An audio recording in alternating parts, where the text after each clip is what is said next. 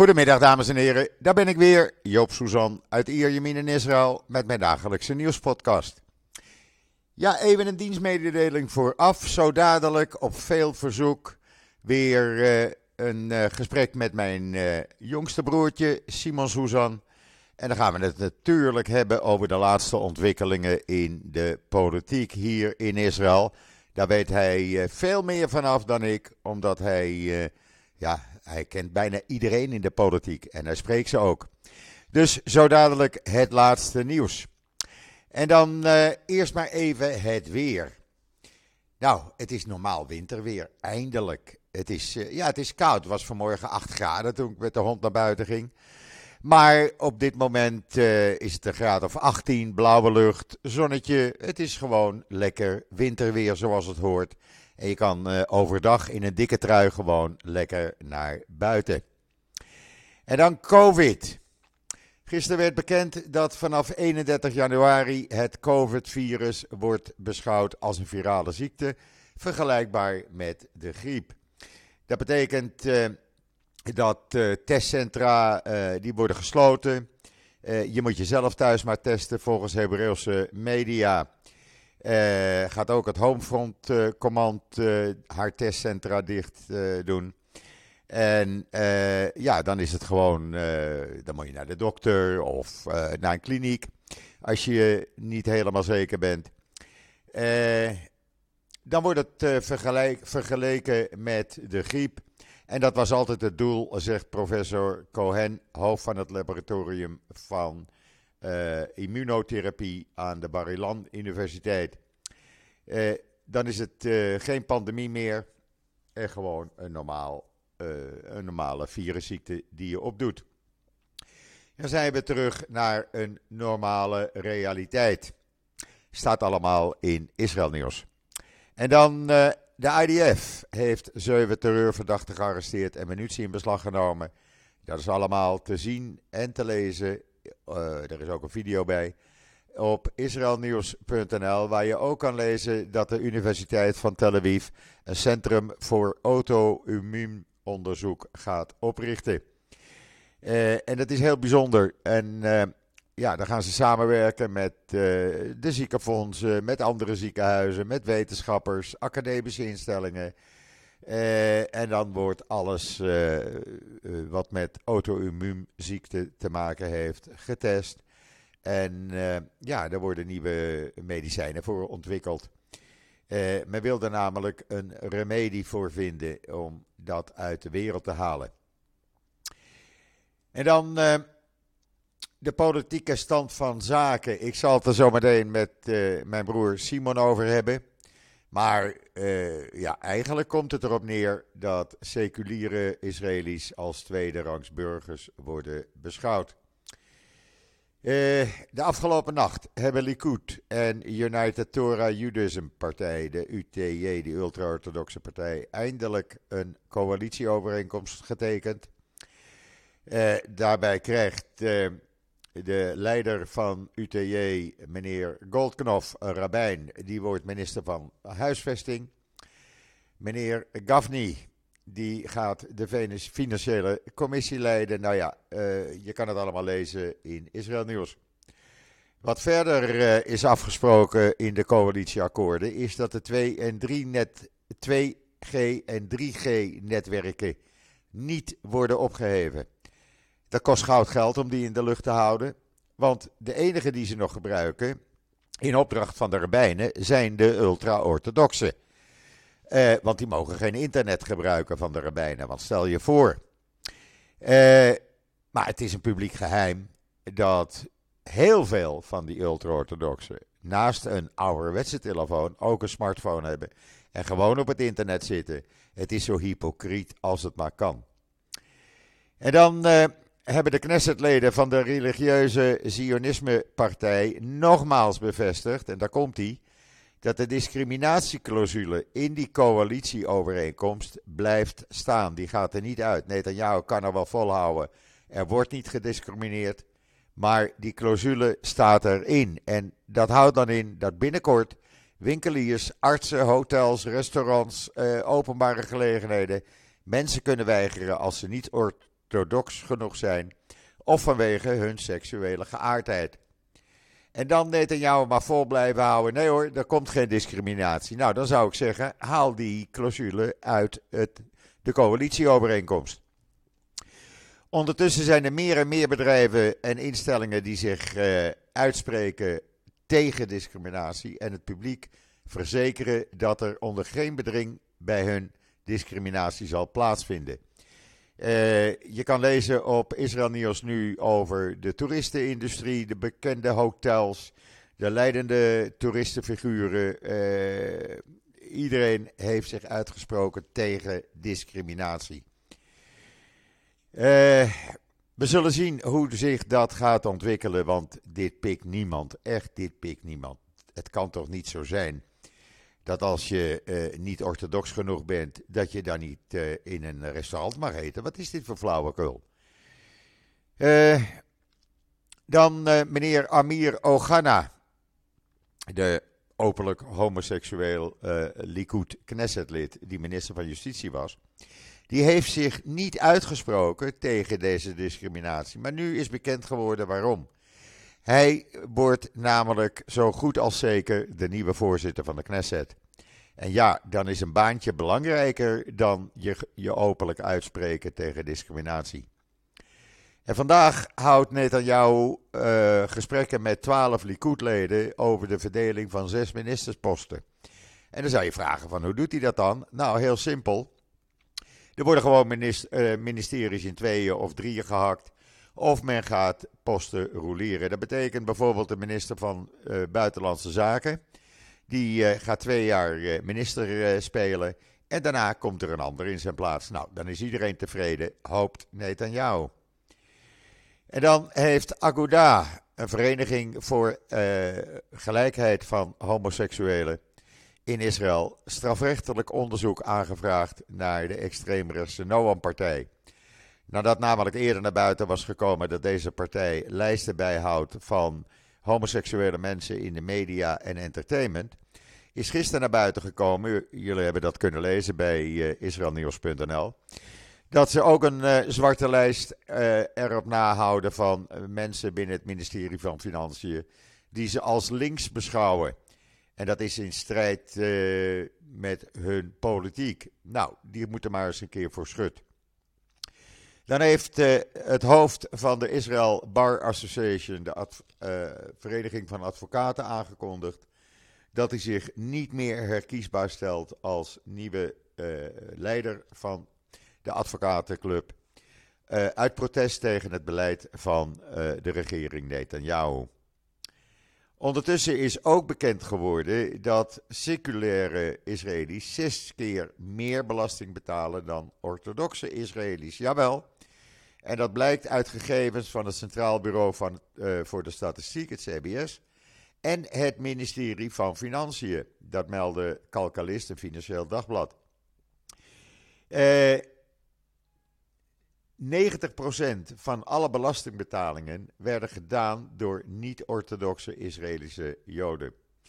Terwijl leden van de ultra-orthodoxe en orthodoxe gemeenschap slechts 2% van alle inkomstenbelasting bijdroegen terwijl ze 7% van de Israëlische huishoudens uitmaken. Hoe kan dat? Ra, ra, ra. Nou, je kan dat allemaal lezen op uh, israelnieuws.nl.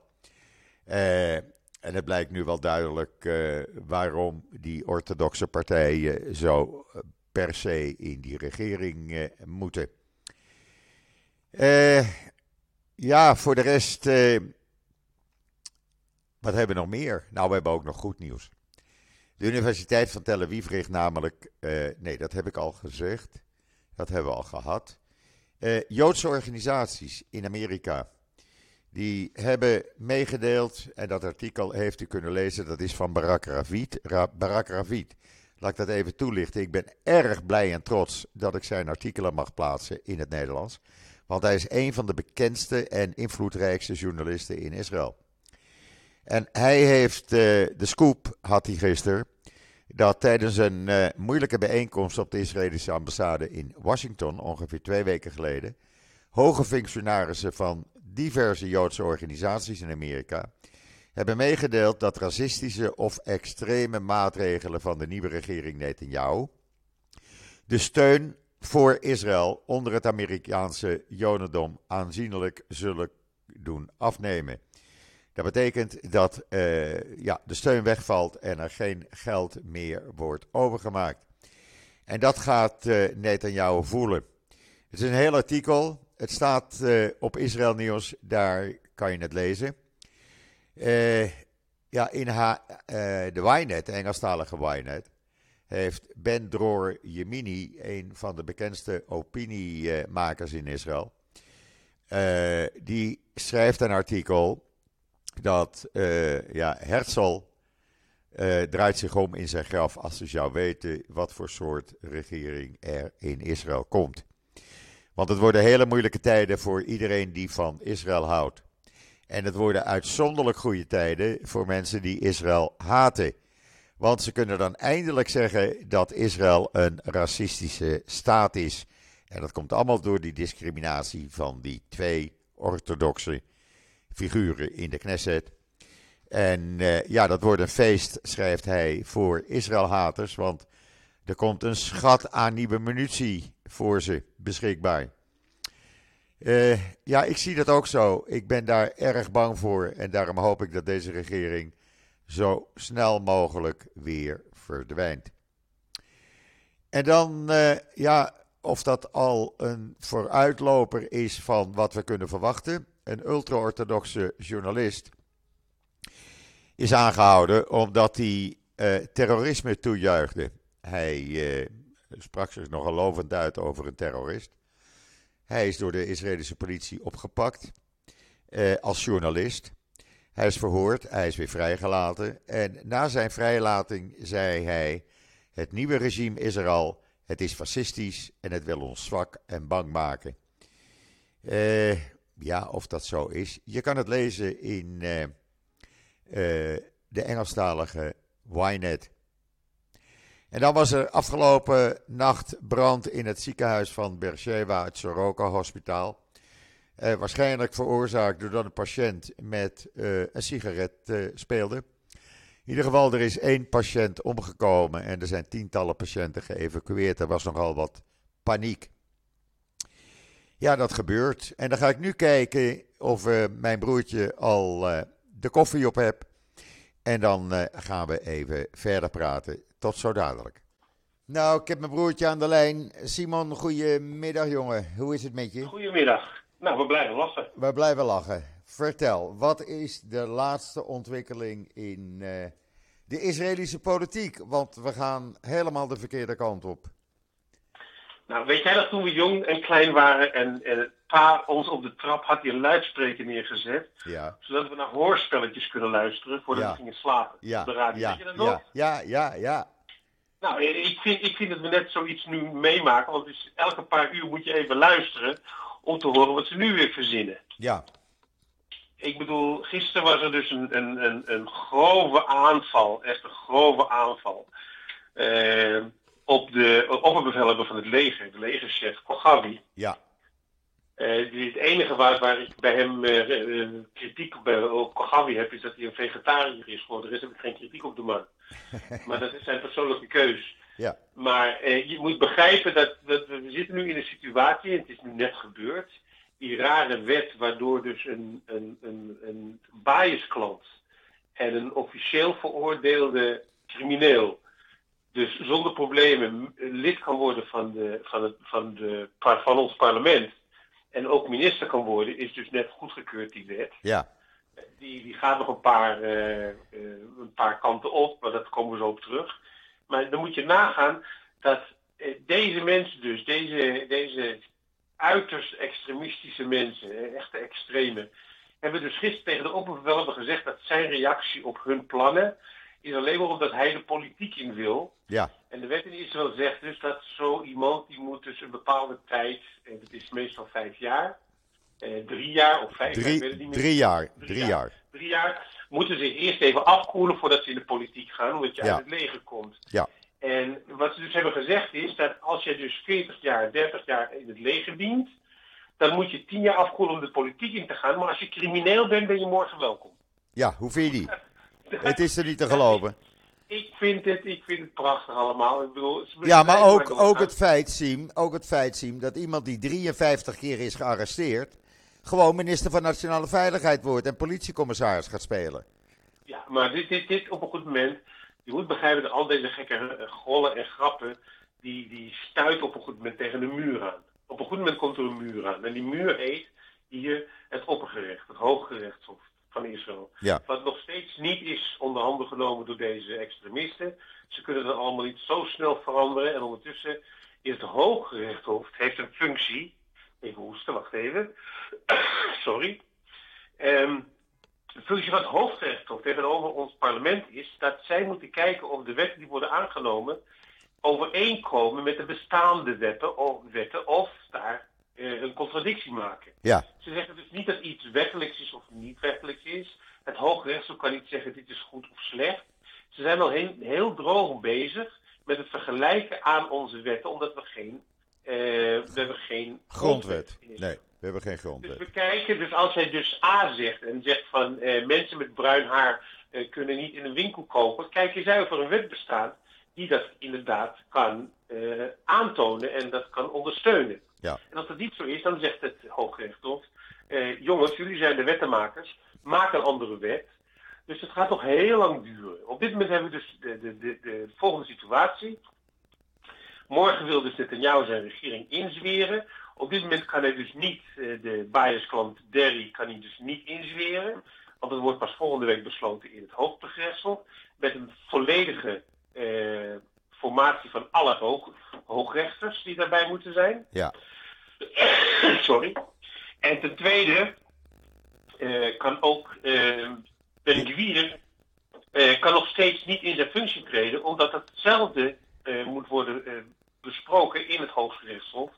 En als het Hooggerechtshof zegt dit komt niet overeen met de bestaande wetten, dan moet de regering terug naar het parlement en moeten ze andere wetten gaan maken. Dat ga je niet in een week doen, dat doe je niet in twee dagen. Dus het zijn allemaal lange processen, processen waarvoor eh, Netanyahu geen tijd voor heeft. Hij heeft geen tijd ervoor, nee. want hij wil gaan regeren.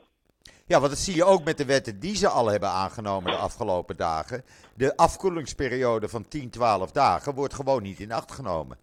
Ja, nee, niet alleen dat. Maar je moet begrijpen ook, dat vroeger toen Golden nog eh, premier was, dat heb ik nog mogen meemaken.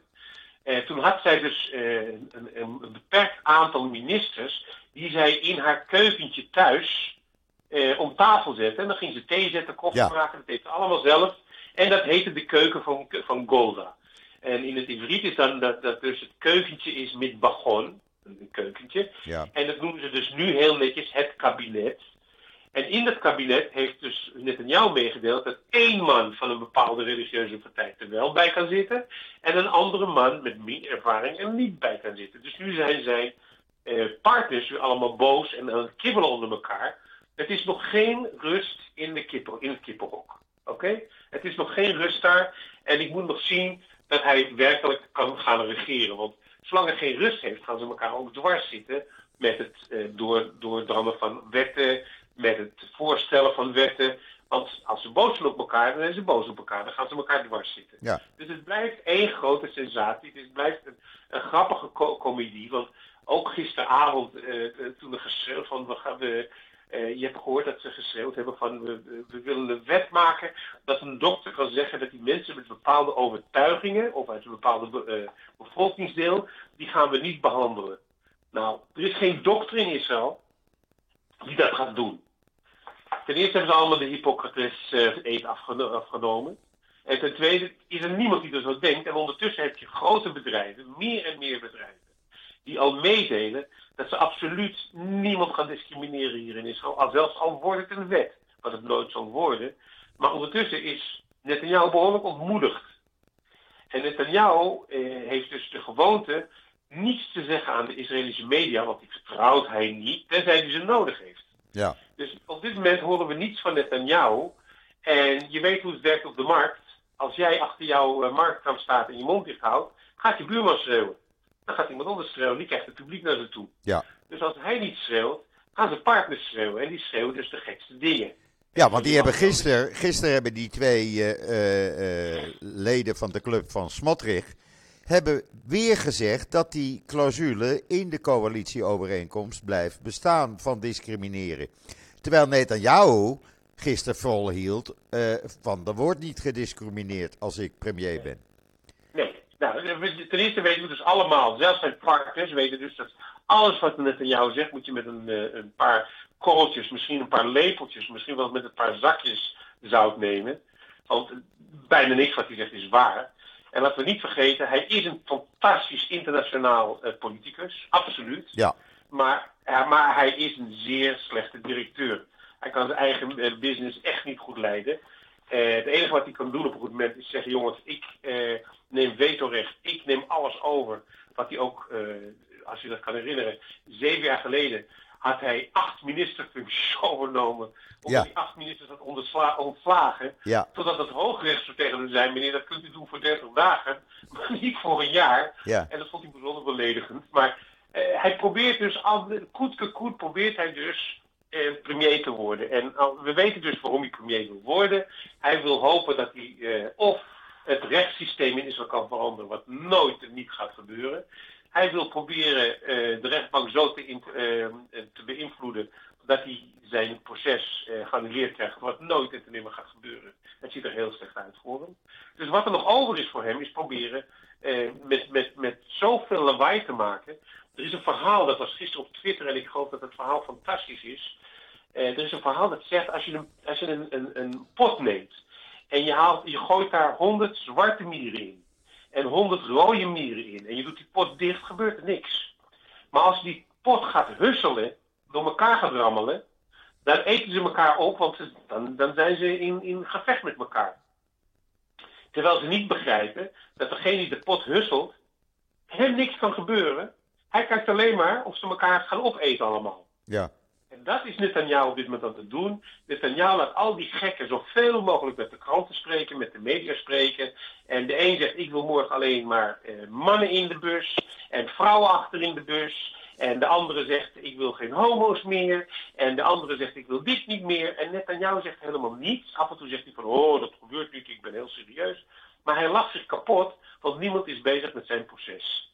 Niemand is bezig met het feit dat deze man terecht staat op drie heel zware beschuldigingen. Hele zware beschuldigingen. Ja. En dat het een sterker en sterker uh, een beeld gaan krijgen dat het er niet goed uitziet voor hem betreffende zijn uitkomst. En dat weet hij. Ook niet. Dat weet Laten hij. we ook, ja, maar hij wil niet dat jij dat weet. Hij Nee. wil niet dat jij ermee bezig bent. Nee. Dus hij laat die, al die mensen die gekke dingen zeggen, waardoor je zegt van, waar komt het vandaan? En daarom moet ik ook weer denken aan die hoorspelletjes van vroeger.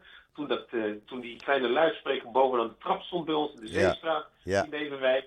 Dat je afvraagt, wat gaat er vandaag weer gebeuren? Want hij, hij zorgt ervoor dat al die mensen zo gek mogelijk, hij weet precies dat ze gek zijn. Zoals vroeger, niet alleen vroeger, zoals een meisje dat niet al te mooi is, zich eh, alleen maar vriendinnetjes zoekt die echt lelijk zijn, zodat zij de mooiste is, zorgt hij ervoor dat hij zich met de meest gekke typetjes eh, omhult. Zodat iedereen kan zeggen, kijk, net in jouw stemie is een beetje rustig. Die, daar kun je naar luisteren. Want in het land der blinden is één oog koning. Ja. En Netanyahu met wat hij op zijn nek heeft hangen, zijn proces. En laten we ook niet vergeten, we wachten elk moment op een uitslag van het onderzoek van, de, van de, het ongeval op de Meronberg, eh, anderhalf jaar geleden. Waar hij als premier werd ondervraagd. Wat wist jij als premier? En begon toen, toen is hij gaan stotteren tegenover de commissie van onderzoek. Ja, dat weet ik. Ah, Niemand heeft me wat verteld. Ik wist van niks. Ik vertrouwde iedereen wat een premier helemaal niet kan zeggen.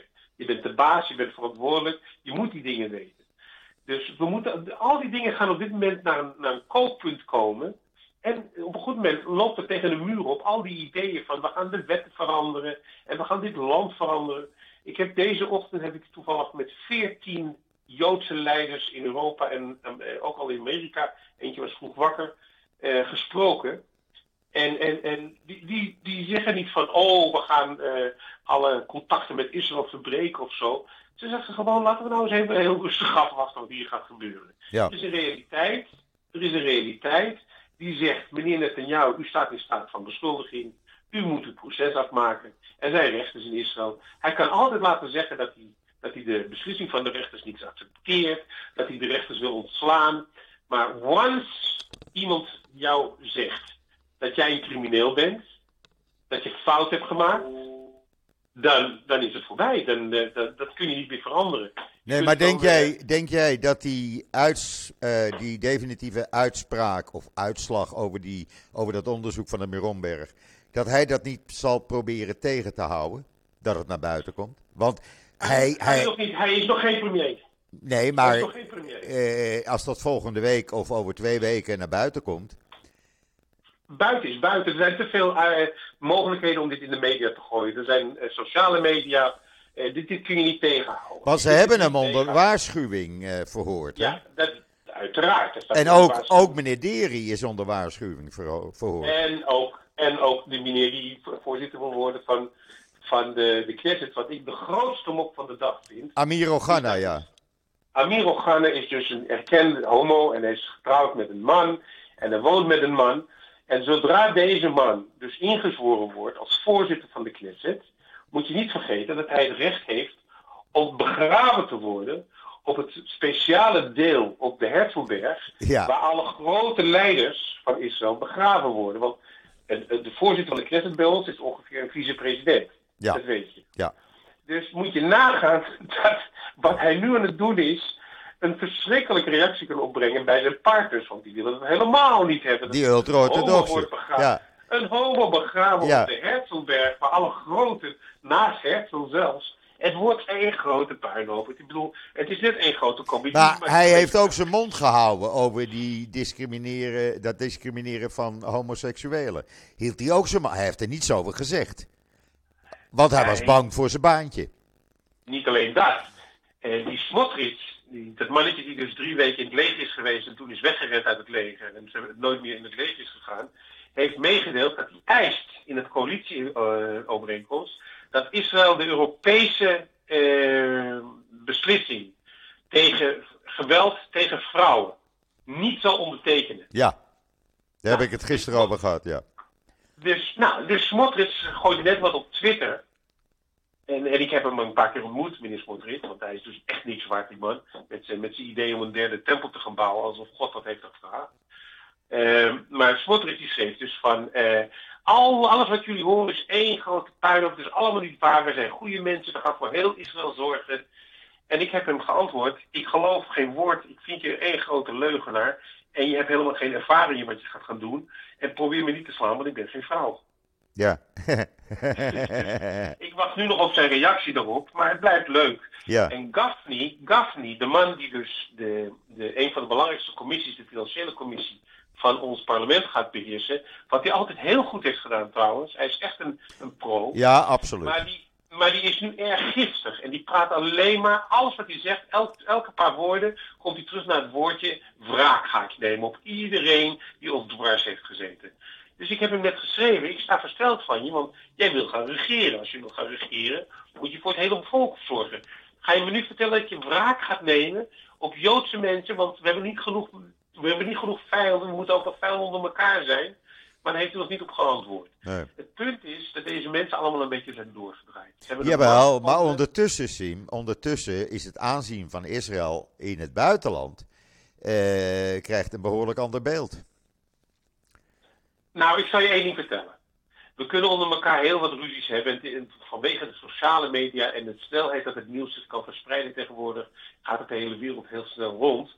En het is een interne discussie die, die ik vind hem gezond. Want het moet een keertje, besproken worden allemaal. Het moet een keertje rechtgezet worden waar wij staan als Israëli's en hoe wij ons land willen leiden en waar we ons land naartoe willen brengen. Ja. En ik heb geen probleem met religieuze mensen. Ik heb een probleem dat ze op dit moment hebben ze echt eh, gewacht en een man genomen die in zo'n zwakke positie is, dat ze hebben gezegd van eh, ik wil je sokken, ik wil je ondergoed, ik wil je stropdas en je jasje gaat naar hem en je petje gaat naar hem en jij blijft helemaal naakt achter. En Netanyahu, die alleen maar premier wil zijn om dus zijn doelen, zijn persoonlijke doel te bereiken, gaat op dit moment maar met alles tekort. Ja, ja, doe maar, neem maar. Maar op een goed moment moet je gaan, eh, moet je gaan werken. Je moet Ja. aan het werk gaan. En wanneer, En ontploft, wanneer ontploft dat in de Likud-partij? Ik denk dat we in een, in een periode van één tot vier dagen de ontploffing gaan meemaken. Ja. Eh, ik denk dat we tot 2 januari volgende week maandag een veel duidelijker beeld gaan hebben. Want Eh, wat er in de Likud gebeurt met die rotatie van ministers. Ja, dat is niet te geloven. Mini- ministeries, worden, ministeries worden in mootjes gehakt. Het is niet te geloven. Hoe kan je je weet waarom hij dat doet. Je weet waarom hij dat doet. Ja, Hoe meer hij de ministeries in moties eh, gaat hakken, hoe meer de power, de controle bij hem gaat liggen. ja, Want hij wordt dan de verantwoordelijke ouder. Ja, Hij snapt precies hoe het in elkaar zit. En niemand die dan echt kan werken. Waardoor je weer een periode gaat meemaken die we al hebben meegemaakt met hem. En dat willen we dus niet zien. Waardoor er in feite niets gebeurt in Nee. het land. Er Nee. gebeurt niets van. Er wordt niet gebouwd, er wordt, er wordt niets voortgezet. Want alles ligt vast. Alles zit helemaal verkeerd. En, en dat, dat, is- die, die kans willen we dus niet laten gebeuren. Ik zie nog steeds deze regering niet eh, opstaan. Ik zie hem zeker niet functioneren. En zeker, dat is ook misschien eh, verbonden met de emotie van dat ik het hoop. Ik zie, de, ik, zie, ik zie deze regering geen lange tijd eh, toe. Nou, ik persoonlijk, en dat heb ik je al een paar keer gezegd, ik, ik verwacht niet langer dan twee maanden. Binnen twee Wat maanden. duidelijk is, wat duidelijk is, is dat we de consensus, eh, dat wij het leger buiten deze dingen, de, de, de veiligheidseenheden die wij hebben voor dit land, moeten buiten deze discussie blijven. Dat Ja. kan niet. En ze willen het een politiek eh, instrument maken, het leger. En dat is verkeerd. Ze is willen nu alles op alles, ze willen Ja. nu zoveel mogelijk eh, power hebben. Ja, Maar ik zie dat niet zo snel gebeuren. Het is meer van eh, pak een snoepie, kou maar eventjes en kom morgen even terug. ja, Het is niet precies, ze krijgen niet precies wat ze, wat ze willen. En je moet ook niet vergeten, er wordt nu al gesproken, en daar ben ik heel erg voor, dat mocht deze regering wel gaan functioneren en wel gaan discrimineren, dan komt er een, een, een belastingrevolutie. er komt een belasting, eh, hoe noem je dat, eh, dat, dat, dat mensen tegen elkaar, hoe noem je dat, dat geen, god, ik ben mijn Nederlandse woord Wat? vergeten. Wel- welk woord? Probe- probeer het uit te leggen. Muiterij. Er komt muiterij. Er komt een Oh, muiterij. Ja, er komt een Nou, er komt, er komt een opstand hier.